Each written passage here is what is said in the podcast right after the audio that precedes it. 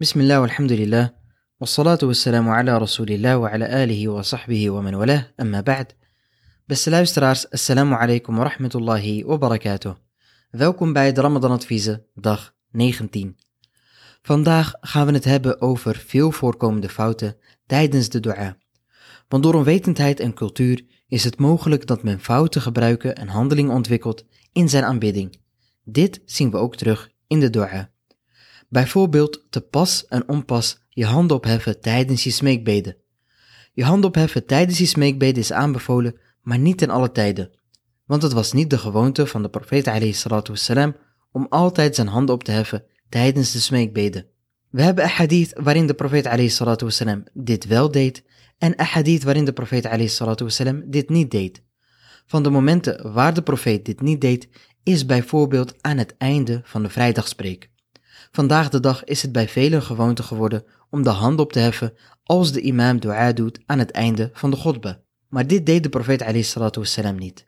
Het enige moment waar de profeet dat wel deed, was na een lange periode van droogte en de profeet wassalam, om regen vroeg. En dit noemt men ook wel al-istisqa. En aangezien het in Nederland veel regent, wordt de istisqa niet gedaan. Dus het hand opheffen tijdens de dua van de imam is niet correct. Een ander moment is na het gebed. Ook hier zie je dat velen hun handen opheffen na het gebed voor het dua. En eigenlijk is dit het tegenovergestelde van de sunnah. Want wie dua wil doen, kan dat het beste tijdens zijn gebed doen. Het zij tijdens de sujud of na de laatste tashahud. Vervolgens het vegen over het lichaam en gezicht. Hier is geen authentieke overlevering over. De overleveringen die we wel kennen zijn zwak. Wanneer men wel over het lichaam veegt, is tijdens de rokje of voor het slapen maar niet als men klaar is met de dua. Dus als je klaar bent met de dua, kan je gewoon je handen naar beneden doen, zonder over je gezicht of lichaam te vegen. Van de veel voorkomende fouten in de smeekbeden is ook het zeggen van inshallah tijdens je dua. En dit geldt natuurlijk ook voor als je dua voor elkaar doet. Vaak zegt men tegen elkaar, mogen Allah subhanahu wa ta'ala je dit en dat schenken, inshallah. Mogen Allah je goede daad accepteren, inshallah. Dit is niet correct, want de profeet heeft gezegd, niemand van jullie zou moeten zeggen, O Allah, vergeef mij als u wilt. O Allah, wees barmhartig met mij als u wilt. Men moet vastberaden zijn in zijn smeekbeden, want Allah subhanahu wa ta'ala wordt door niemand gedwongen. Dus zoals de profeet heeft gezegd, wees vastberaden als je Allah vraagt.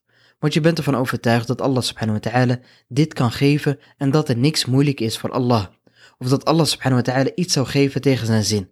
En het is belangrijk dat je laat blijken dat je iets graag wilt. Wat ook een fout is, en deze komt voor in de dua al-qunut.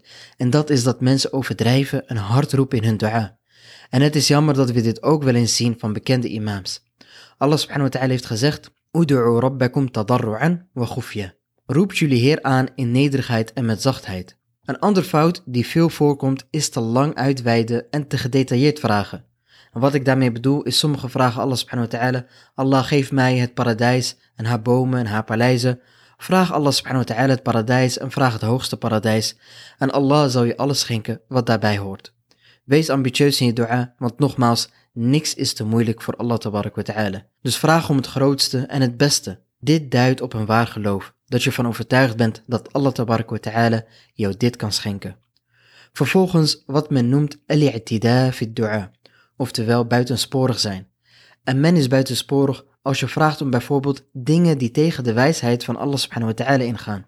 Zoals Allah, laat mij een profeet zijn. Of O Allah, laat mij voor eeuwig leven. Maar wat hier ook onder valt, is vragen om een zonde of iets dat niet van jou is. Zoals iemand misschien zou vragen, O Allah, help mij met het inbreken. Of O Allah, help mij met het krijgen van al-haram. En wees niet verbaasd over dit soort smeekbeden, want het komt vaker voor dan men misschien denkt. En tenslotte dat men niet weet wat zijn smeekbeden betekent, of een dua uit de Koran halen die bij een specifieke gebeurtenis hoorde of niet op hen van toepassing is. Zo was er bijvoorbeeld een man die de bekende dua deed van de moeder van Maryam, die tijdens de zwangerschap van Maryam zei, Rabbi inni nadartu laka ma fi batni muharrara. Oftewel, O Allah, ik beloof aan u dat wat zich in mijn buik bevindt. Mogen Allah subhanahu wa ta'ala onze smeekbeden verhoren en ons vast accepteren. Wa sallallahu wa sallam wa barak ala nabina Muhammad. وعلى آله وصحبه أجمعين. بدانكت فورت لايفستر والسلام عليكم ورحمة الله وبركاته.